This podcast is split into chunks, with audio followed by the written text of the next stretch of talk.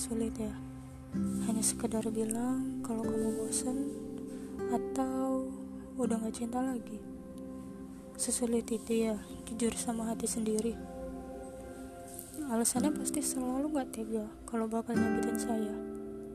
Hei, dengerin ini ya. Saya perempuan dan memang kodratnya lemah, rapuh. Tapi cara kamu yang tiba-tiba berubah dan seolah-olah menjauhi saya itu justru sangat tidak manusiawi. Terlebih lagi kalau kamu tambahin dengan drama perselingkuhan. Harusnya kamu bisa mikir dengan cara seperti itu bakal nyakitin saya lebih dalam.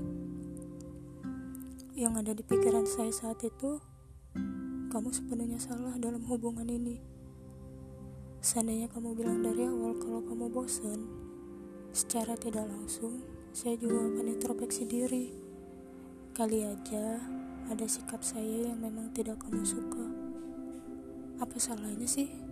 Jujur dari awal, sebelum saya berpikir buruk tentang kamu.